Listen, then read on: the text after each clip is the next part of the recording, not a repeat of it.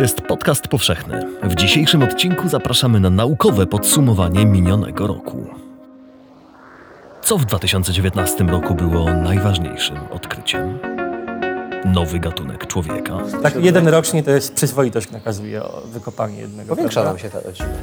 Przekazywanie sygnałów z mózgu do mózgu. O ile dobrze rozumiem, to przy pomocy tego typu techniki, tylko nieco wyższej rozdzielczości, można zacząć się bawić w jakieś I sterować zachowaniem innego człowieka. Wow. Czy może mroczne sekrety małp? Ale wyjaśnij jeszcze w jakichś przyzwoitych słowach, co to znaczy, że się parzą promiskuitycznie. Czyli właściwie nie tworzą par. tak? Każdy z każdym. Każdy z każdym, właśnie. Okej. I na jakie odkrycia liczymy w roku 2020? Rozmawiają o tym redaktorzy działu naukowego Tygodnika Powszechnego Łukasz Kwiatek i Łukasz Lamża. Podcast powszechny. Weź, słuchaj.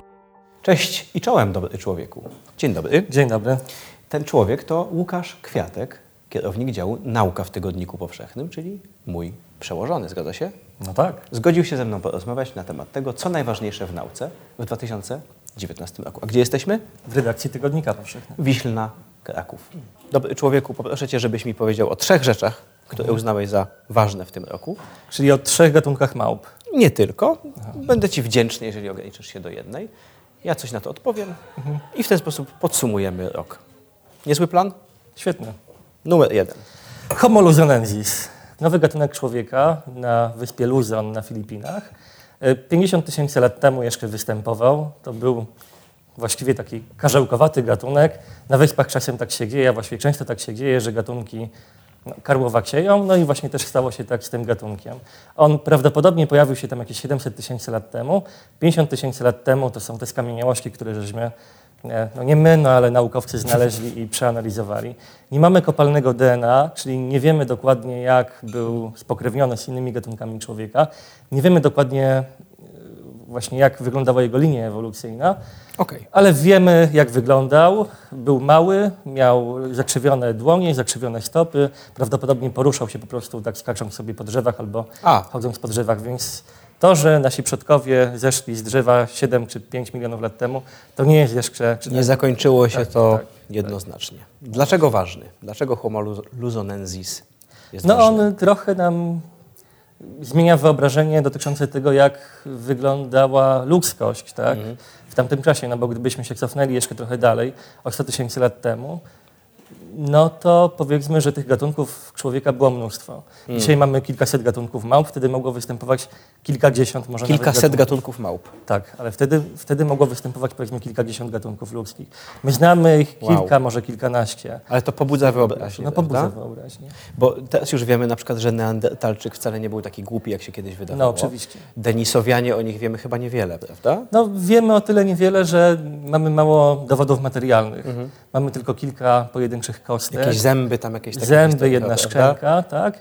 I, e, ale mamy dowody w postaci badań genetycznych. Czyli przeanalizowaliśmy genomy współcześnie żyjących ludzi, przeanalizowaliśmy te genomy pobrane z tych maleńkich kosteczek i okazało się, że no właśnie mieszkańcy wschodniej Azji mają od 4 do 6% DNA pochodzącego od Denisowian. No. No, inni My mamy DNA neandertalskie Właśnie, w sobie. Mamy DNA neandertalskie, tak. No to jest, to jest ciekawie pomyśleć, że to mogliby być, my moglibyśmy być równie dobrze potomnymi jakiegoś innego podgatunku. No wiesz, najciekawsze jest to, że ci Denisowianie, oni wymarli może nawet 15 tysięcy lat temu, więc i to, to się działo W wszystko czasach na historycznych wyspach... w zasadzie. Tak, to się działo wszystko na wyspach Indonezji. Więc ja sobie lubię myśleć o tym, że może gdzieś tam jest jeszcze jakieś plemię zapomniane Mm. przez ludzi i naukowców, Ale takiego wzrostu mniej nie, nie, no to Luzonensis pewnie wymarli, ale A. Denisowian pewnie byśmy nie odróżnili od, od innych ludzi. Świetny No to pomysł. też były tegoroczne odkrycia, więc nie jest No tak. od, od rzeczy, że o tym mówimy. A, to jeszcze odpowiem, czy pamiętasz o bawarskim człowieku, No czy oczywiście, to jest oglądałem małpa? w filmie, który zrobiłem. No, proszę bardzo. To ja może króciutko przypomnę. Też bardzo ciekawe odkrycie. Y, Mioceńska małpa, dwunożna, poruszająca się w taki pośredni sposób. Y, Danuvius guggenmossi, bodajże się, się, się, się została nazwana przez naukowców. Też bardzo fajne odkrycie na terenie Bawarii. Gatunek, ale to głębiej w tym momencie sięga, prawda? Bo tu mamy te gatunki jakieś ludzkie, jakieś homo erectusy. Dochodzimy gdzieś do wspólnego przodka człowieka i szympansa. Tak, 9 milionów lat temu, dobrze mówię mniej więcej? Tak, najciekawsze jest to, że on jest europejskim gatunkiem. No właśnie, Czyli- prawda? Czyli to wyjście z Afryki, Homo sapiens, to jedno, ale oprócz tego na terenie Europy Rozwijały się wcześniej gatunki małp człowiekowatych, które prawdopodobnie wymarły, a. my pochodzimy i tak z Afryki. Ale pojawiają się takie hipotezy, że to nie jest do końca tak, że mogło to się wszystko zacząć w Europie albo w Euroazji powiedzmy, a później nasi przodkowie mogli zawędrować do Afryki. Czyli było Tego- też takie szympansie wyjście z Afryki, powiedzmy sobie, tak? Jakiś tam bliski krewniak szympansa też ma za sobą, miał No za na sobą pewno, na pewno. swoje wyjście z Afryki. No albo właśnie zaczęło się wszystko w Europie. Tego do końca nie możemy być pewni. Może przyszły rok nam przyniesie odpowiedź na rozwiązanie tej zagadki, więc na to liczymy. Dobre. To co? Numer dwa. Numer dwa, czyli telepatyczna gra w Tetris. A. E, Interfejsy mózg, komputer, mózg. Naukowcy połączyli dwie techniki wykorzystywane w neuronauce, czyli EEG i e, TMS, czyli przezkrzaczkową stymulację. Wyglądało tak, że siedziały trzy osoby i dwie z nich grały w grę przypominającą Tetris. Okej? I EEG sprawdzało, no, obrazowało aktywność ich mózgów, tak odczytywało fale mózgowe. To są te takie nakładki na tak, głowę, to są te takie e, nakładki, mierzą są, nie są bardzo precyzyjne. To jest, to jest Mniej ciekawe. więcej tu Tak. działa. No i teraz Okej. komputer to wszystko zbierał, przez internet przesyłał do innego pomieszkania, w którym siedziała inna osoba Mhm. i ona na głowie miała TMS, czyli urządzenie do przezkrzaczkowej stymulacji magnetycznej. I TMS przekazywał te sygnały, które, wykony, które, które przesyłali jakby tam ci ludzie grający w Tetris, tamtej osobie i ta osoba, która siedziała z TMS-em na głowie, Mhm. ona nie miała przed sobą ekranu gry. Okej. Tak? Ale dzięki temu, że przychodziły do niej sygnały mózgowe od tamtych osób, ona była w stanie grać w tą grę w ten sposób, że no, to była uproszczona wersja. Chodziło o to, żeby pokazać, znaczy, żeby zdecydować, czy należy obrócić klocek, czy go nie obracać. I Wtedy ta linia osoba umiała podjąć tę decyzję?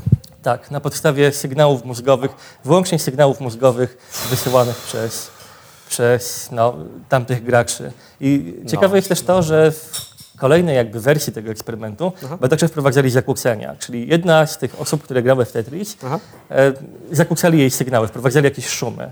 I osoba, która e, no, dostawała te sygnały, w jakimś czasie uczyła się odsiewać te e, zakłócenia i A, uznawała, to że jeden z tych graczy jest mniej wiarygodny niż tamten drugi.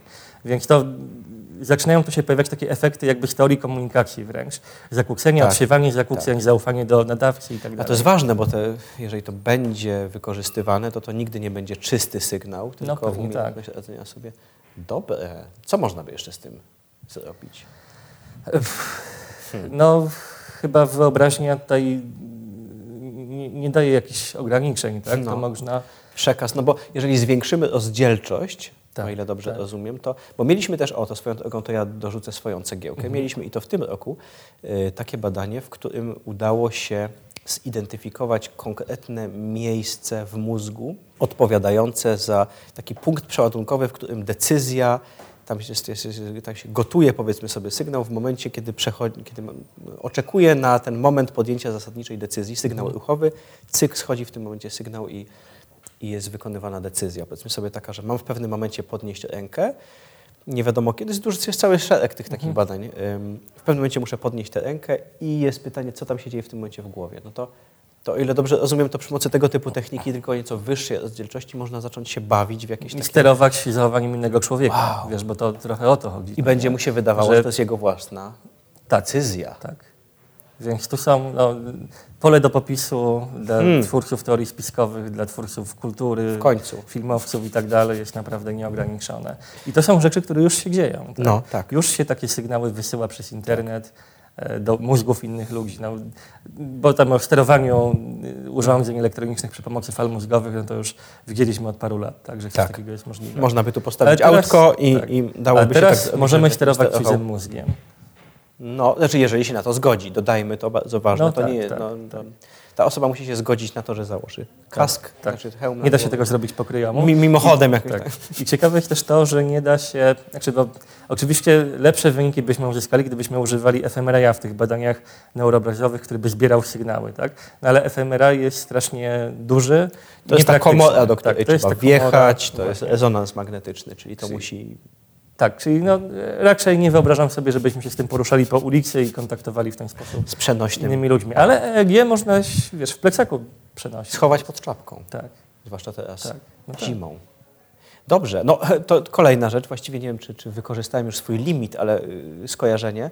Też z tego roku wynik, jakoś tam wiążący się z przyszłością gatunku ludzkiego, udało się usunąć metodą edycji genetycznej CRISPR-Cas sto kilkadziesiąt, jeśli się nie mylę, równocześnie mutacji genetycznych z jednej komórki ludzkiej, z komórki człowieka, mm, sto kilkadziesiąt osobnych szkodliwych mutacji, czyli cel oczywiście jest taki, żebyśmy w przyszłości mogli zrobić sobie listę chorób genetycznych, które mają w miarę prostą mm, reprezentację i zrobimy sobie listę. Ja to sobie zawsze wyobrażam jako taki pakiet dodatkowy dla osób, które starają się o dziecko. No więc zapłodnienie będzie in vitro, które chce Pan sobie wyeliminować na wypadek, gdyby się pojawiły. 50 dolarów, 100, 200, pełny pakiet 500, 700 jednostek chorobowych, dziękujemy, cyk, usunięty. No albo ulepszanie zdolności poznawczych. Tak, A, no właśnie, tak, tak.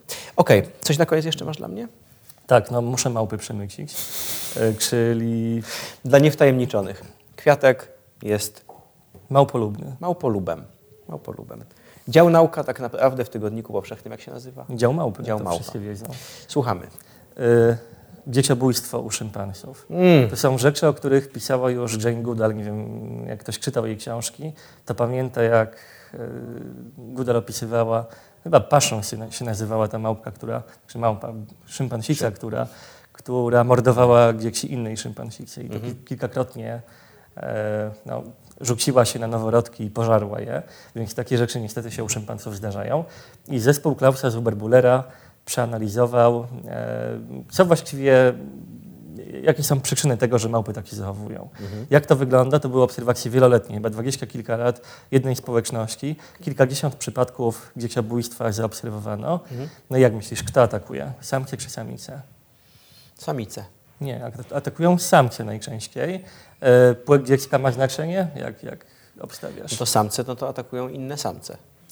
E, No nie, właśnie płeć dziecka prawdopodobnie, prawdopodobnie znaczy Aha, nie ma wpływu. większego, większego nie, ma, nie ma wpływu. Ale dlaczego? Bo właśnie e, w tych badaniach chodziło o to, żeby przeanalizować cztery hipotezy. Okej. Hipotezy dotyczące tego, co jest jakby przyczyną. Pierwsza hipoteza jest taka, że przyczyną jest dobór płciowy. Tak? Jeżeli Okej. samica ma młode, to nie może zajść w ciążę. Mhm.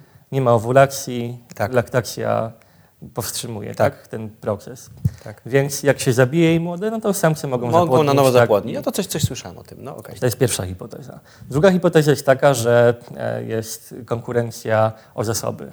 Tak? Mhm. Czyli no, nowa morda, że tak powiem, do wyżywienia, wyeliminujemy, będziemy mieć więcej zasobów. Mhm. Okej. Kolejna hipoteza jest taka, że e, jest to pozyskiwanie mięsa po prostu. Noworodek A. jest łatwym źródłem białka.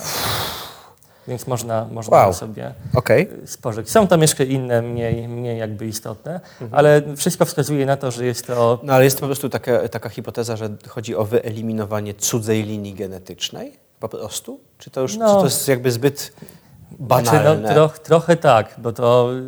Bo to bo rozumiem, po zawsze, części- chodzi- po ale zawsze chodzi o mordowanie, przepraszam, cudzych dzieci, Tak. tak? Okej, dobra. Znaczy, to nie jest jasne, czy szympans, no bo małpy się kojarzą promiskuitycznie, tak? Czyli to jest tak, że y, ten szympans, który Nazwij to robi samiec, przyz- samiec który to robi, może być, może być ojcem tych dzieci. Prawdopodobnie nie jest, tak? Mhm. No ale być może to jest częściowo Ale wyjaśnij jeszcze w jakichś przyzwoitych słowach, co to znaczy, że się parzą promiskuitycznie. No, czyli właściwie nie tworzą par. Każdy tak? z Nie tworzą- każdym. Każdy z każdym, właśnie. Okej. Nie tworzą, nie tworzą Aha, czyli nie wiadomo, czy samce Czyli wiedzą, być które może, dzieci są no właśnie. ich.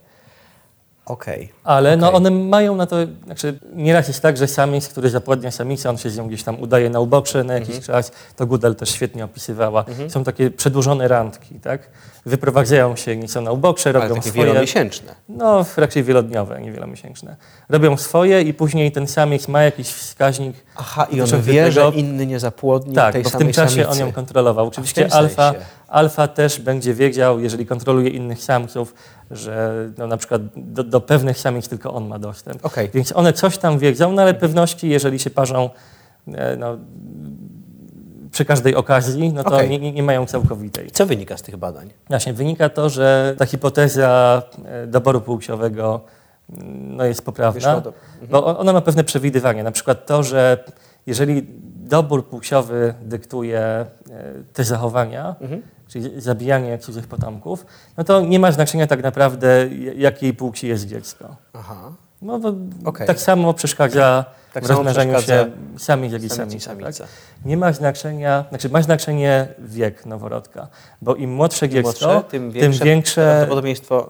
Inaczej, tym więcej y, zasobów i czasu będzie potrzebowało na to, żeby je odchować, czyli tym bardziej przeszkadza samicy w wejściu w okres płodny. Tym większa Potem dłużej po prostu... z zamordowania. Tak, czyli im młodsze dziecko, tym bardziej się opłaca samcowi zamordować Mhm. i to wychodziło w tych badaniach. Czyli noworodki, nawet takie po tygodniu, Mhm. najczęściej zabijane. Hmm. A to są, wiesz co, ja ci tak przerwę, to Mhm. są dosyć ciężkie tematy. Czy ty to jakoś y, wiążesz z rzeczywistością ludzką? To jest ciężkie pytanie. Mnie chyba małpy na tyle interesują, że potrafię to jakoś oddzielić, tak? I samymi małpami się zainteresować. Natomiast no, to stawia oczywiście pytanie o No, to, tak. no bo takie rzeczy się też zdarzają u ludzi. Tak. I e, czy one mogą być motywowane jakby ewolucyjnie? Tak, mogą być. Natomiast musimy oddzielać dwie rzeczy. Wyjaśnienie ewolucyjne od wyjaśnienia psychologicznego.